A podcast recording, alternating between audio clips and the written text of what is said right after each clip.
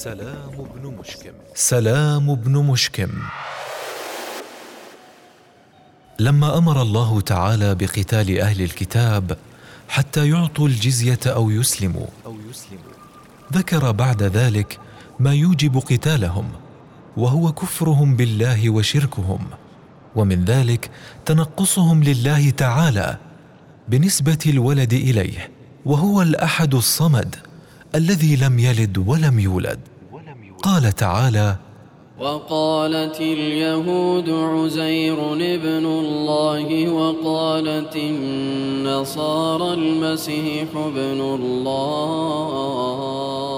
ذلك قولهم بأفواههم يضاهئون قول الذين كفروا من قبل. قاتلهم الله أنى يؤفكون.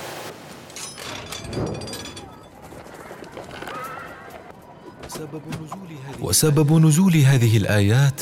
ما روي عن ابن عباس رضي الله عنهما قال أتى رسول الله صلى الله عليه وسلم سلام بن مشكم ونعمان بن أوفى وشاس بن قيس ومالك بن الصيف فقالوا كيف نتبعك وقد تركت قبلتنا؟ كيف نتبعك وقد تركت قبلتنا؟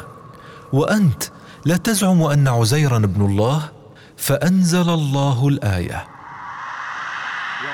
وعزير رجل صالح من بني إسرائيل معظم عند اليهود. قيل من أسباب تعظيمه أنه حفظ التوراة فغلت اليهود أو بعضهم فيه. أعلام نزل فيهم قرآن.